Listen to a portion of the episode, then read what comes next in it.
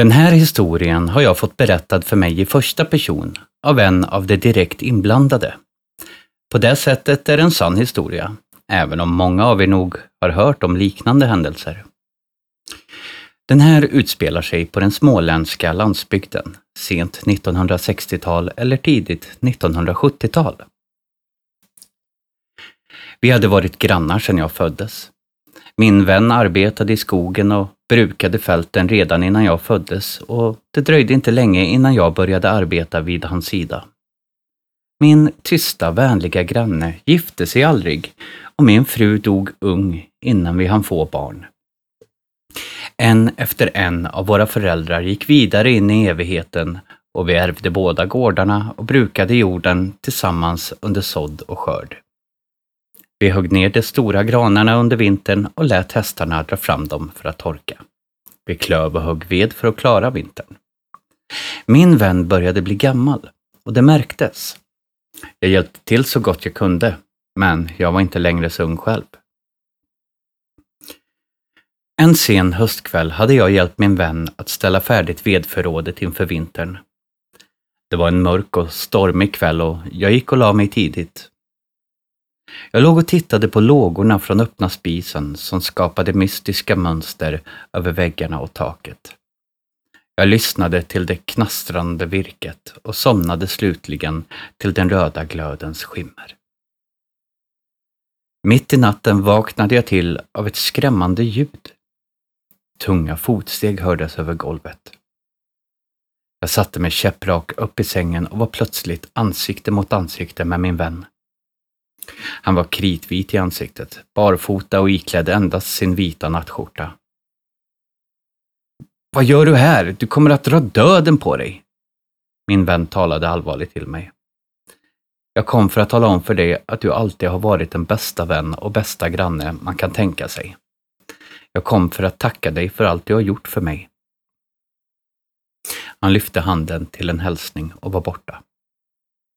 Jag satt ensam i sängen, skakad av den märkliga drömmen. På morgonen mindes jag min konstiga dröm och kände en stor oro. Jag kunde inte skaka av mig känslan av att jag borde gå över och se till att min vän mådde bra. Plötsligt knackade det på dörren.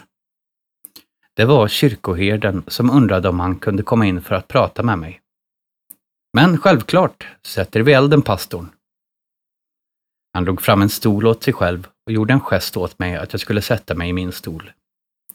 Sedan tog han min hand. Din vän gick bort till Gud i natt. Allt stod plötsligt klart för mig.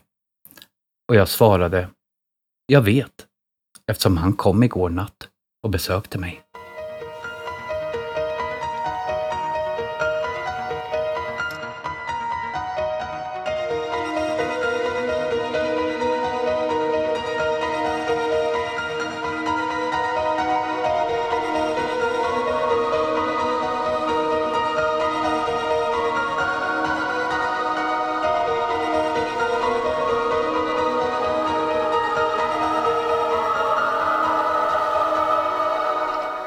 Ni hörde Den goda grannen, skriven utav Johanna Wilson.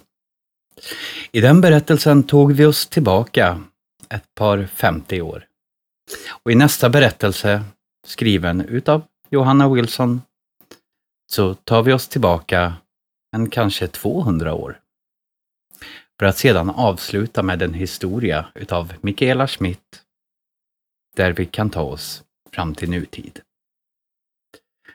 Men först kommer alltså Johanna Wilson med historien Isak vid porten.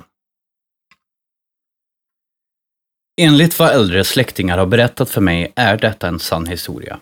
Du gör vad du vill med den. Du behöver inte tro på något jag berättar här.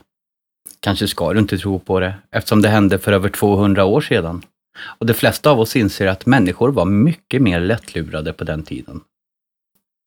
Min släkting, gamla Isak, vaktade den stora porten in till ett gods långt ut på landet i en ganska avsides jordbruksbygd i Östergötland. Bördiga fält låg framför egendomen.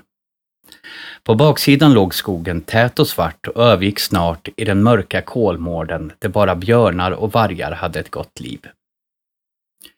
Isak hade en trogen stor vakthund vid sin sida och tolererade inga dumheter. Han var omutbar och inte lättlurad. Han trodde bara på det han kunde se med egna ögon.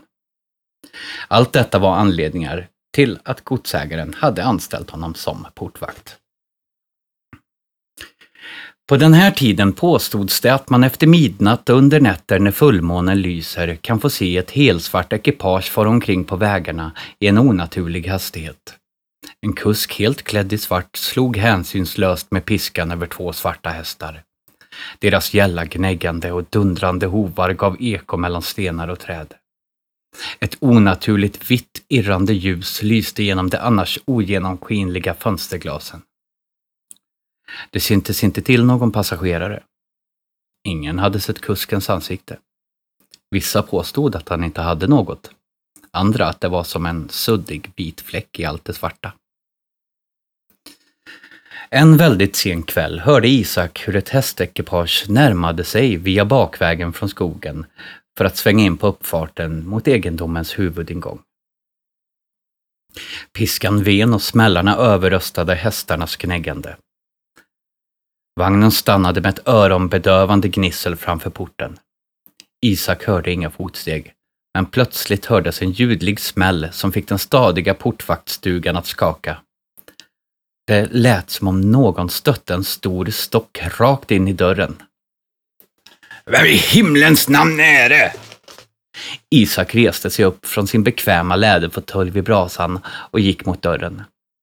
Men innan han hann fram hoppade hunden upp och sprang till fönstret vid sidan om dörren. Hunden reste sig på bakbenen, tog stöd med frambenen mot fönsterbrädan och tittade ut genom farstutrappan.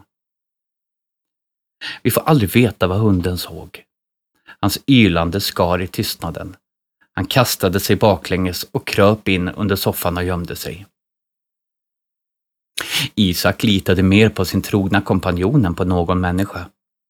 Därför gick han inte fram till vare sig dörren eller fönstret. Han återvände till sin fåtölj och väntade helt stilla där tills han hörde piskan vina och ljudet av hjulen som vände runt vagnen på det knastrande gruset. Sedan hörde han vagnen skallrande köra tillbaka samma väg den kommit, in på bakvägen mot det mörka skogslandet. Isak tillbringade natten vaken i sin fåtölj, hela tiden med ögonen på dörren och öronen på helspänn. Han la på vedklabbe efter vedklabbe för att hålla elden vid liv, men rörde sig annars inte ur fläcken förrän det började ljusna i öster. Hunden kom inte fram förrän solen hade gått upp och det blivit förmiddag. Ni hörde Isak vid porten, skriven utav Johanna Wilson. Och kvällen börjar närma sig sitt slut och även om det här var två korta historier så ska vi ha en lite längre, som andra kanske tidigare har hört, men som aldrig har hörts i den här podden. Här kommer Michaela Schmidts berättelse Okej okay, Google. Jag har alltid tyckt att GPS måste vara en av de bättre uppfinningarna. I alla fall på senare tid. Man har GPS i mobilen som man nästan jämt har med sig och man har en i bilen där man kanske behöver den som allra bäst. Aldrig mer behöver man komma vilse, åka fel eller fråga främlingar efter vägen. Numera är det raka vägen från punkt A till punkt B, även för sådana som mig som totalt saknar lokalsinne. Visst sjutton är det väl bekvämt att bara lyssna på den där rösten när den säger åt en att svänga höger i nästa korsning. Speciellt jämfört med att sitta framåtlutad över ratten och kisa upp mot husfasaderna för att kunna hinna läsa gatunamnen. Helst tillräckligt snabbt så att man faktiskt hinner svänga också utan att orsaka trafikkaos. Ni som är lika gamla som jag, eller äldre, vet vad jag menar. Ni andra? Nej, kanske inte. Men i så fall kan ni säkert föreställa er. Det har blivit en vana det där med GPS. Man förlitar sig så totalt på den att man slutar tänka själv och bara följer instruktionerna som om man vore radiostyrd. Och det är man ju nästan också. Man ifrågasätter inte en GPS, man bara gör som den säger och det blir mycket sällan fel. Längre kanske ibland, men inte fel. Det är nästan på samma sätt med tjänsten OK Google som numera finns i mobilen. Nu behöver man inte längre skriva själv. Man bara frågar Google efter en adress, ett telefonnummer eller ber Google öppna en app, ringa upp mormor, ställa väckarklockan eller ja, vad man nu vill göra.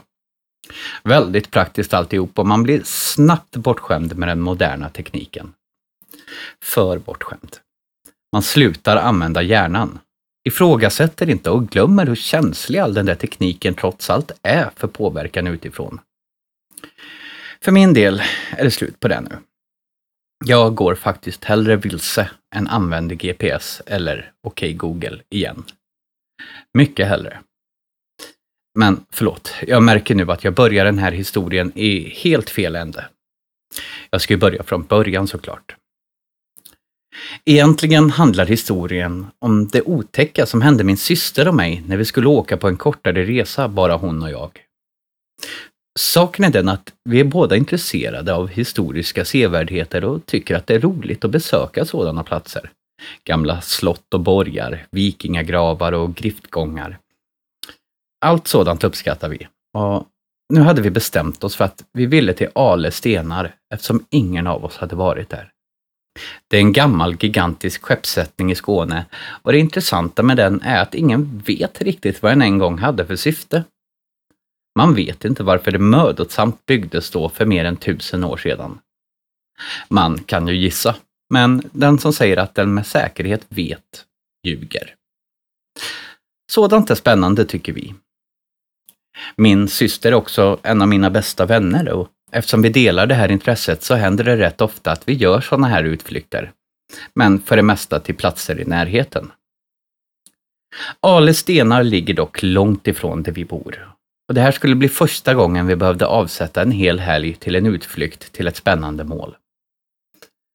Jag och min syster bor inte på samma plats, så planen var att jag skulle komma till henne redan på fredagen så att vi kunde åka tidigt på lördagsmorgonen och på så sätt komma fram i tid för att se Ale stenar på lördagen. Och sedan skulle vi övernatta på ett litet privat pensionat i närheten som min syster bokat in oss på. Och på söndagen skulle vi åka hem igen. Men nu blev det inte riktigt så. Vi kom inte ens fram till Ale stenar. Vi stannade uppe sent på fredagskvällen och satt och pratade till långt in på natten och följaktligen sov vi alldeles för länge på lördagen och kom iväg mycket, mycket senare än vad vi hade tänkt oss.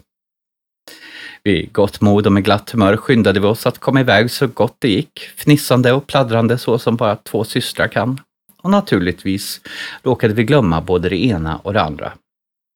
Bland annat glömde vi adressen till pensionatet.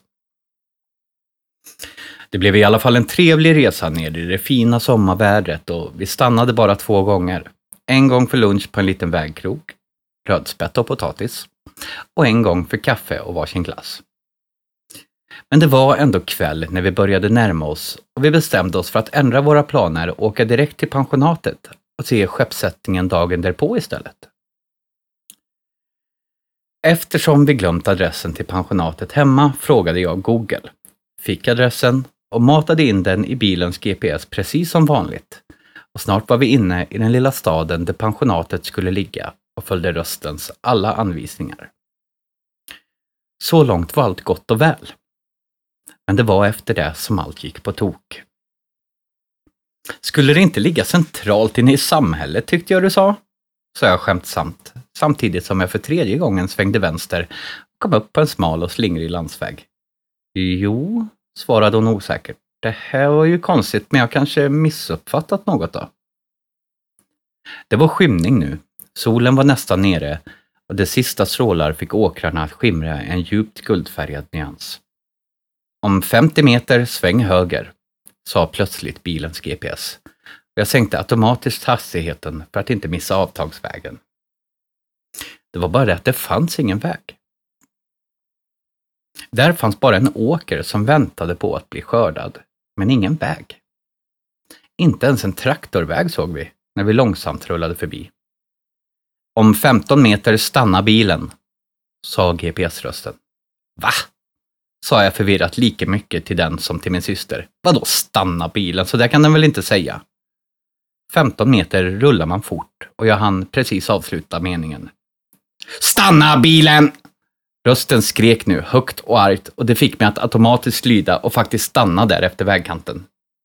Ja, vad säger man när något sådant händer? Vi blev stående där vid kanten. Först i tystnad, men så småningom började vi prata om hur konstigt det där faktiskt var. Vi kom överens om att det bästa nog vore om vi vände bilen och åkte tillbaka in till stan medan vi fortfarande kom ihåg hur vi hade kört. Men plötsligt gick det inte att starta längre. Istället slog bilens varningsljus igång och signalhornet gav ifrån sig två långa ylande tjut. I tystnaden som följde var det enda som hördes tickandet ifrån varningsljuset. Jag försökte stänga av det, försökte starta bilen, komma iväg, men det gick inte. Och vi började bli ganska rädda. Vad är det som händer? frågade vi varandra flera gånger. Vi funderade över om det var något sorts elfel i bilen och hur vi i så fall skulle lösa det här ute ingenstans. Men vi kom inte fram till något vettigt eftersom ingen av oss egentligen trodde att det fanns något elfel. Det här var något helt annat. Men vad visste vi inte? Eller kanske gjorde vi det, men ville slippa sätta ord på det och därmed bli ännu räddare medan vi väntade på vad som skulle hända härnäst. Vi behövde inte vänta särskilt länge. Det var nästan mörkt nu och bilens helljus slog på. Ytterligare en konstig sak att lägga till de andra konstigheterna. Motorn var inte igång och jag rörde ingenting. I skenet från lyktorna såg vi något röra sig ute på fältet. Det kom närmare och närmare. Vi betraktade rörelsen utan att kunna urskilja vad det var riktigt förrän det var alldeles nära. Men då såg vi. Och vi trodde knappt våra ögon. Helt oväntat kommer en man gående baklänges ut från sädesfältet. Han var klädd i svart kostym och vit skjorta och hade blanka välputsade svarta skor.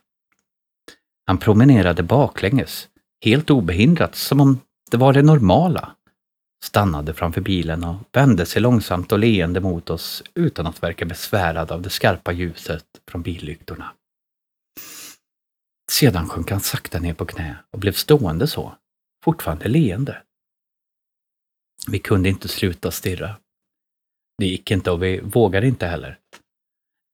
Allting var fel, både med den här mannen och situationen i sig. Vad gjorde han där i sådana kläder och varför rörde han sig så konstigt?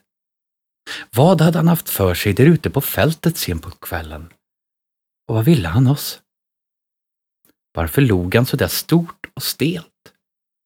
Och hur hade vi egentligen hamnat här? Det hela var riktigt obehagligt och otäckt. Öppna dörrarna, sa plötsligt bilens GPS, men med en helt annan röst än tidigare. Nu lät den hög och häll och angelägen, men också precis lika konstruerad och onaturlig som den vanliga GPS-rösten. Aldrig i livet. Vi skyndade oss att låsa. Mannen slutade omedelbart att le och tog stående på sina knän några stapplande steg mot oss. Öppna dörrarna! Släpp in mig! Tjöt GPS-rösten gällt hysteriskt och så högt att vi båda två instinktivt satte händerna för öronen samtidigt som vi fortsatte stirra på mannen utan att våga släppa honom ens med blicken en sekund. Vi skakade på huvudet. Nej, inte släppa in. Det här är inte riktigt klokt muttrade min syster. Sådant här händer inte, inte på riktigt. Och vad är han ens för något? Jag kunde höra i hennes röst hur rädd hon var. Och jag var precis lika rädd jag. Vem eller vad var den här mannen egentligen? Var vi i säkerhet där inuti bilen? Eller kunde han ta sig in? Och vad hände då? Mannen hade nu klumpigt och fortfarande stående på knä vridit sig fram hela vägen till bilens front och bara hans huvud syntes över motorhuven från vårt håll. Hans ögon var vidöppna och var svarta och blanka och munnen var öppen och formad till ett stort O. Ett torrt knastrande kom ut ur det där oet och vi förstod omedelbart vad det var. Han morrade åt oss. Ändå lät GPS-rösten vädjande och nästan gnällig, som ett litet barn när den sa Öppna! Aldrig! Skrek jag plötsligt till honom genom framrutan och min syster blev så överraskad och rädd att hon började gråta. Här kommer du inte in och flytta på dig för nu ska vi åka! Mannen reste sig långsamt och mödosamt och till vår oerhörda förvåning och lättnad började han sakta gå baklänges tillbaka samma väg som han kommit. Med darrande händer försökte jag starta bilen, livrädd att det inte skulle gå, att det trots allt inte var över. Egentligen var jag alldeles för skräckslagen och chockad för att köra bil, men min syster var i ännu sämre skick så det fanns inget val. Vi måste därifrån, nu. Men bilen startade faktiskt snällt, precis som den brukar och utan krångel och vi kunde köra därifrån. GPS-rösten teg, tack och lov, men vi visste inte riktigt var vi var någonstans.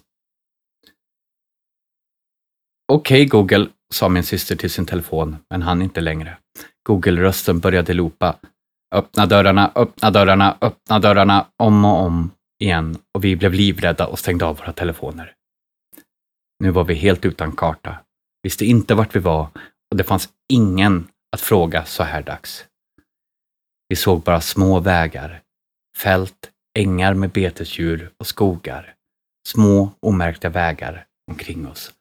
Vi ville verkligen inte råka köra i cirklar och kanske hamna på den där otäcka platsen där allting hänt igen. Vi körde omkring där, på de där småvägarna, länge och försökte hitta en ännu större väg eller en vägskylt och började precis oroa oss för att bensinen inte skulle räcka när vi äntligen fick syn på en blå vägvisare som pekade oss mot Sjöbo. Sjöbo? Hur hade vi hamnat ända där? Men strunt samma. Nu var vi på väg. Det finns inte så mycket mer att berätta om den där resan. Vi hittade en stad, en bensinstation och ett hotell. Vi sov några timmar och sedan åkte vi hem. Ingen av oss hade längre någon lust med Ale stenar längre. Men efteråt har vi pratat om den här upplevelsen många gånger. Spekulerat och funderat, vänt och vridit och undrat vad det var som egentligen hände. Vem var mannen? Varför var han där? Varför rörde han sig så konstigt? Och hur kunde han påverka vår GPS OK Google?